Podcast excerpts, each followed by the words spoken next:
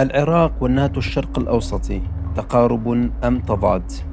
مع اقتراب الزيارة المرتقبة للرئيس الأمريكي جو بايدن إلى المنطقة برز الحديث مجددا عن فكرة تشكيل الناتو الشرق الأوسطي أو ما يعرف بالناتو العربي والذي سيضم مجموعة من الدول المنطقة التي تشعر بضرورة مواجهة التحديات المشتركة بصورة موحدة وخاصة التحديات والمخاطر الأمنية الإيرانية التي باتت تشكل تهديدا حقيقيا للكثير من الدول عن طريق الأذرع المسلحة والوكلاء والفصائل الموالية لإيران. فما هي دوافع وأسباب طرح هذا المشروع في هذا التوقيت؟ وكيف سيتعامل العراق مع هذه الفكرة في ظل تأخير تشكيل الحكومة والمشاكل السياسية التي تعاني منها البلاد؟ مرحبا بكم في حلقة جديدة من بودكاست في 20 دقيقة. نناقش فيها أسباب وتداعيات طرح فكرة الناتو الشرق الأوسطية واحتمالات نجاحها ودور العراق في هكذا تحالفات إقليمية في ظل الأوضاع الراهنة. أشارت صحيفة وول ستريت جورنال الأمريكية قبل فترة أن مسؤولين عسكريين أمريكيين التقوا سرا نظراء لهم من إسرائيل ودول عربية مصر والأردن ودول خليجية في شرم الشيخ المصرية في آذار الماضي لاستكشاف سبل التنسيق ضد تنامي قدرات إيران الصاروخية وذات الصلة ببرنامجها للطائرات المسيرة ومناقشة كيفية الدفاع ضد تهديد مشترك وإمكانية إنشاء ناتو شرق أوسطي. وقد أكدت الصحيفة أن مثل هذا الاجتماع الهادف للتعاون العسكري لم يكن ممكنا منذ عقود إذ حاول القادة الأمريكيون على مدى سنوات طويلة تشجيع الدول العربية على تنسيق دفاعاتها الجوية لكن من دون مشاركة إسرائيل التي كان ينظر إليها على الصعيد العربي على أنها خصم. ولكن يبدو حسب الصحيفة أن إمكانية نجاح هذه المفاوضات في الوقت الحالي كبيرة جدا بسبب الكثير من المتغيرات مثل المخاوف المشتركة تجاه إيران وتحسن العلاقات السياسية الإقليمية وتصاعد حدة التهديدات الإيرانية والطموحات الصينية والروسية وزيادة نفوذهم. في المنطقة التي يتطلب أيضا سياسة جديدة للتعامل مع هذه الوقائع والمعطيات على أرض الواقع. وقد أكدت الصحيفة أيضا أن رحلة الرئيس الأمريكي جو بايدن المقبلة إلى الشرق الأوسط قد تكون الأكثر أهمية خلال فترة رئاسته والتي قد تشهد اتفاقات للتنسيق العسكري وفكرة بناء تحالف جوي إقليمي للشرق الأوسط. وتأكيدا لهذه المحاولات أعلن ملك الأردن عبد الله بن الحسين أن بلاده مستعدة للانضمام إلى حلف ناتو شرق أوسطي عندما يخرج المشروع إلى العلن.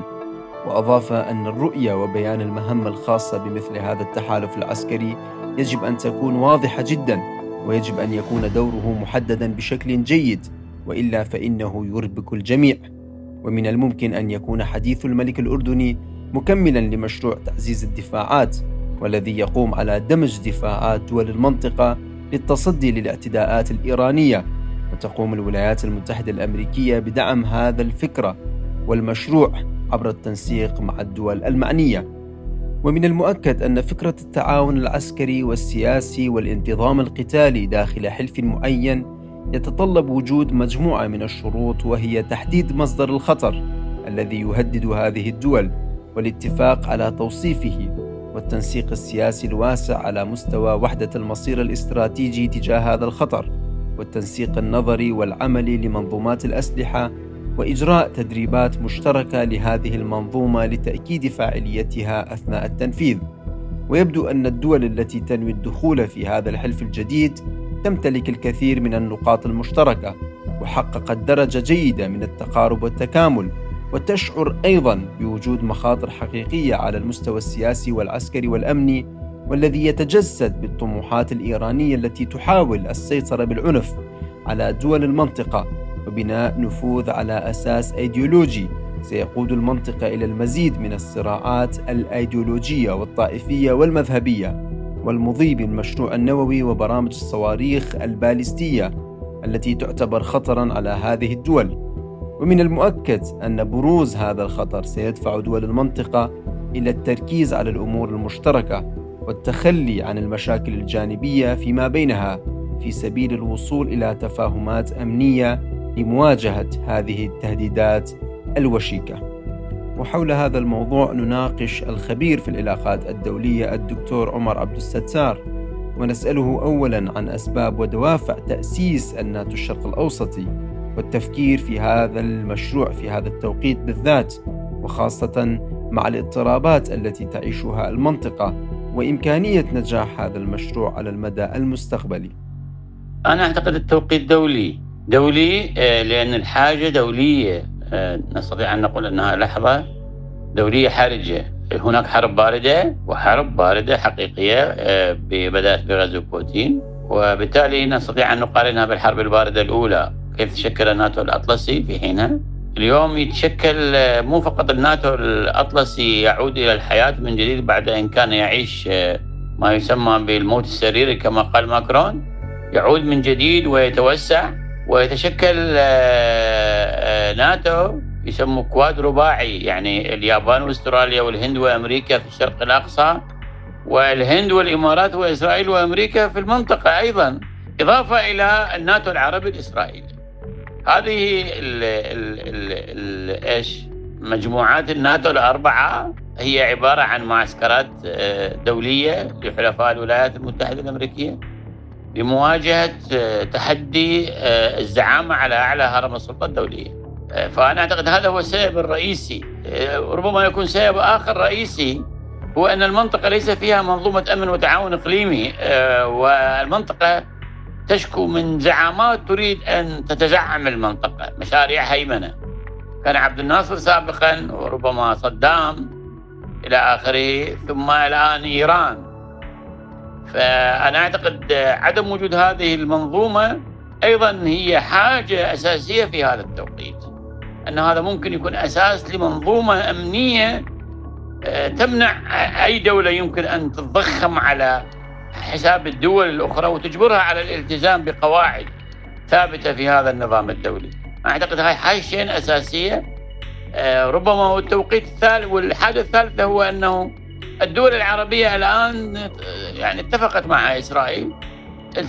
السؤال هو إذا إسرائيل إذا المملكة العربية السعودية صارت جزء من هذا الناتو فإن هذا الناتو سيكون موجودا على وجه أرض هذه المنطقة.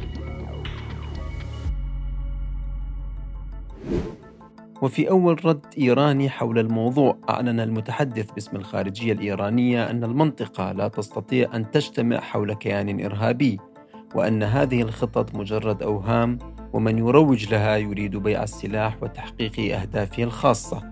بينما أعلن علي أكبر ولايتي مستشار المرشد الإيراني خامنئي للشؤون الدولية أن فكرة تشكيل ناتو شرق أوسطي غير ملائمة وتوجه ضربة قوية لأمن المنطقة.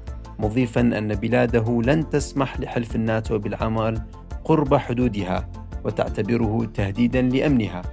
ويبدو أن الجانب الإيراني يخشى كثيرا من نجاح هذه الأفكار والتي قد تعرقل مشاريعها التوسعية في المنطقة حيث استغلت إيران المشاكل الداخلية بين دول المنطقة وعمليات الفوضى وغياب الأمن لبناء شبكات من الميليشيات والجماعات المسلحة والخلايا النائمة لتأسيس نفوذ طويل الأمد على حساب أمن واستقرار الدول العربية.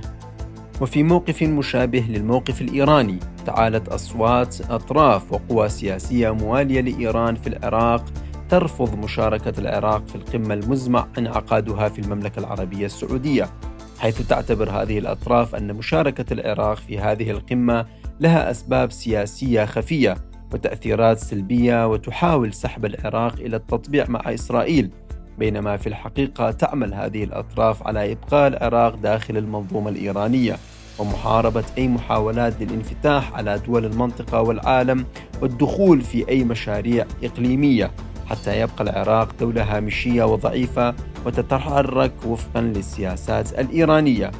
وبحكم النفوذ الإيراني الكبير داخل الساحة العراقية فمن المتوقع أن تعمل طهران بشكل جدي على منع دخول العراق في أي تحالف تعتقد أنه قد يؤثر على نفوذها وسوف تستغل الأذرع السياسية والعسكرية والإعلامية لخلق المشاكل ومنع الحكومة العراقية من التحرك بحرية فيما يتعلق بهذه الملفات المهمة.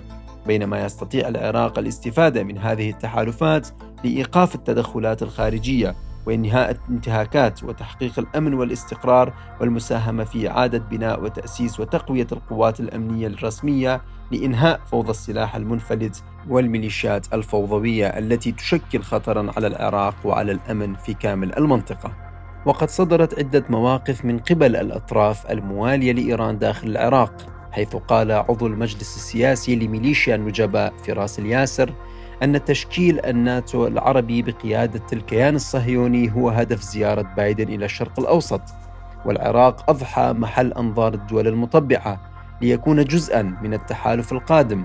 والكاظمي مدعو إلى حضور قمة جدة بالمختصر جر العراق إلى محور الكيان الصهيوني وبدورنا نحذر من مغبة زج العراق في أتون المشروع الأمريكي الجديد.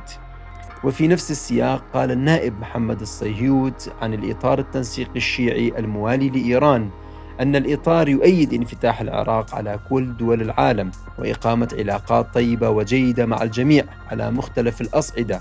لكن هذه العلاقات يجب أن لا تكون منحازة لطرف على حساب أي طرف دولي آخر فالعراق يجب أن يبقى بعيدا عن سياسة المحاور. وأوضح الصيهود خلال حديث تناقلته وسائل إعلام عراقية أن هناك أهدافا سياسية وراء قمة السعودية غير الأهداف الاقتصادية المعلنة فهناك مساعي لسحب العراق نحو التطبيع لكن ربما بعناوين مختلفة. ولذا فإن هناك مخاوف من ذهاب العراق نحو هذه المشاريع الخطيرة على الأمن القومي العراقي بالدرجة الأساس. وليس من مصلحة العراق الوقوف مع محور دولي ضد آخر كما تريد أمريكا وحلفاؤها من دول الخليج. ولهذا نحن سوف نراقب ما سيتم الاتفاق عليه من رئيس الوزراء خلال مشاركته بالقمة السعودية المرتقبة وسيكون لنا موقف منها من خلال مجلس النواب. ويبدو واضحا من خلال هذه المواقف أن الأطراف الموالية لإيران لا تسمح للدولة العراقية بأن تتخذ خطوات بناء على المصلحة العراقية بل تقدم المصلحة الإيرانية دائما على مصلحة بلادها. ومع اقتراب موعد القمة أيضا تصاعدت مواقف هذه الأطراف الموالية لإيران حيث أكد النائب السابق عن محافظة نينوى مختار الموسوي عن منظمة بدر القريبة من إيران أن قمة الرياض التي ستعقد في منتصف الشهر الحالي هي قمة عار وأن السعودية وباستمرار تحاول التآمر على دول المنطقة وعقد هذه القمة هو جزء من المؤامرة للاعتراف بالكيان الصهيوني وهي مؤامرة تحاك للعراق ودول المنطقة من قبل السعودية وأمريكا والكيان الصهيوني الذي سيكون مشاركا بقوة. ويبدو واضحا من خلال هذه المواقف أن الأطراف الموالية لإيران داخل العراق تعمل جاهدا على ربط هذه القمة بإسرائيل لدى ذهنية العراقيين وأيضا ممارسة الكثير من الضغوطات على رئيس الحكومة العراقية مصطفى الكاظمي حتى لا يستطيع أن يتحرك بحرية في هذه القمة. وللمزيد حول هذه النقطة نسأل مجددا الدكتور عمر عبد الستار حول نظرة العراق إلى فكرة الناتو الشرق الأوسطي وهل هناك رؤية عراقية موحدة لهذه الفكرة والتعامل معها في ظل الأزمات والصراعات التي يعيشها العراق في الوقت الحالي؟ بالنسبة للعراق أنا أعتقد موقع العراق يعني هو في موضوع نظرية البر والبحر يقع على حافة آه، قلب الأرض وقلب الأرض بالأساس وواحد بريطاني كان يتكلم عن الصراع البريطاني الروسي وكان يريد من خلال النظرية آه، أنه يمنع تغلغل الروس في منطقة الخليج والعراق منطقة خليج. يعني شلون؟ دول مجلس التعاون الخليج إيران خليج والعراق خليج. العراق شمال الخليج. ومنطقة نفط ومنطقة صراع دولي على السيادة العالمية. ف يعني يعني السيطرة على العراق يعني هو عامل من عوامل إيش هذه اللحظة آه، الدولية الحرجة. فيجب أن يكون جزء من الناتو. يعني يعني حتما يجب أن يكون جزء من هذا الناتو في هذا الموضوع. طبعا آه، إذا شلون قلت لك السعودية إذا كانت جزء من هذا الناتو فإن هذا الناتو سينجح. العراق إذا كان جزء من هذا الناتو فإن الناتو سينجح. هذا مهم جدا يعني. وكانت فكرة ذكرها روبرت جيتس وزير الدفاع الأمريكي في زمن آه، أوباما في 2008 في حوار بنما قال إذا نريد أنه نخرج العراق من محور إيران الإقليمي فيجب أن ينضم إلى مجلس التعاون الخليجي. الآن سيكون عضو آه، سيكون من أحد الحاضرين في اجتماع جدة مع بايدن. ستة الخليج زائد ثلاثة اللي هو العراق الأردن مصر. طبعا الناتو زائد إسرائيل بعدين في ستة زائد ثلاثة زائد واحد. فالعراق ضروري يكون آه، جزء من هذا الموضوع. هل آه، هذا يمكن أن يحصل في ظل وجود ميليشيات؟ يجب أن تنتهي الميليشيات معناته يعني وفق هذا المنظور يجب أن تنتهي الميليشيات. انتهاء الميليشيات يعني أن آه، موضوع النفط موضوع الموقع الجيوسياسي فيما يخص الصراع الروسي الأمريكي أو الصراع الروسي الغربي يعني هذا العراق سيقطع محور إيران ومحور روسيا اللي واسط العقد السوري وأخيرا نسأل الدكتور هل يمكن أن تساهم هذه الأفكار والمشاريع في تحجيم التدخلات الإيرانية داخل العراق وإعادة تحقيق نوع معين من السيادة العراقية حتى ولو بنسبة قليلة؟ يعني إذا نجحوا في ضم العراق إلى الناتو آه، ينتهي هلال إيران الإقليمي وهلال آه، روسيا أيضا يعني صراحة. ستضبط حدوده مع سوريا ومع ومع إيران. وسينتهي آه، يعني هذا الذي يسمونه محور إيران الإقليمي. فلكن هل يعني هل روسيا وإيران سيسكتون؟ الآن هناك مؤشرات كثيرة تتحدث على أن روسيا وإيران يعملون لإرباك المنطقة في ظل تشكيل هذا الناتو سيعملون من أجل منع تشكيل هذا الناتو هل سينجحون؟ ما أعرف بوتين حاول ذلك لكن الناتو توسع الآن روسيا والإيران يحاولون أن يمنعون ذلك لكن هل سيتوسع أم أم سوف لن يتشكل؟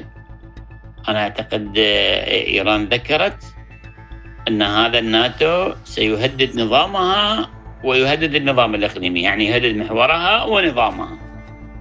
وهذا يعني هو صراع لأنه صراع دولي.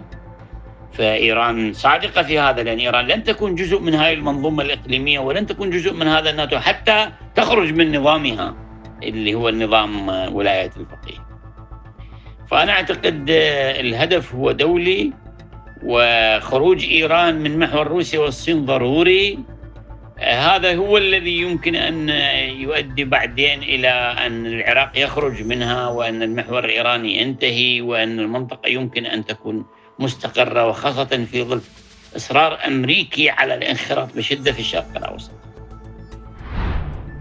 وأخيرا يبدو أن العراق قادر على الاستفادة من بناء وتأسيس منظومة أمنية إقليمية داخل المنطقة وخاصة أن غياب هذه المنظومة قد أثر سلبيا على هذه الدول ولكن في ظل المعطيات والحقائق الحالية ووجود أطراف سياسية وعسكرية وأمنية موالية لإيران داخل العراق فإنه قد يكون من الصعب على الدولة العراقية أن تتخذ قرارات أو خطوات بعيدا عن التأثير الإيراني الذي يخشى من وجود أي مشاريع في المنطقة قد تؤثر سلبيا على نفوذها داخل العراق وبالتالي تعمل بكل جهدها وعن طريق الأذرع المسلحة والوكلاء لتقويض أي مشروع من هذه المشاريع ومنع العراق من الدخول في هذه التحالفات مستقبلا.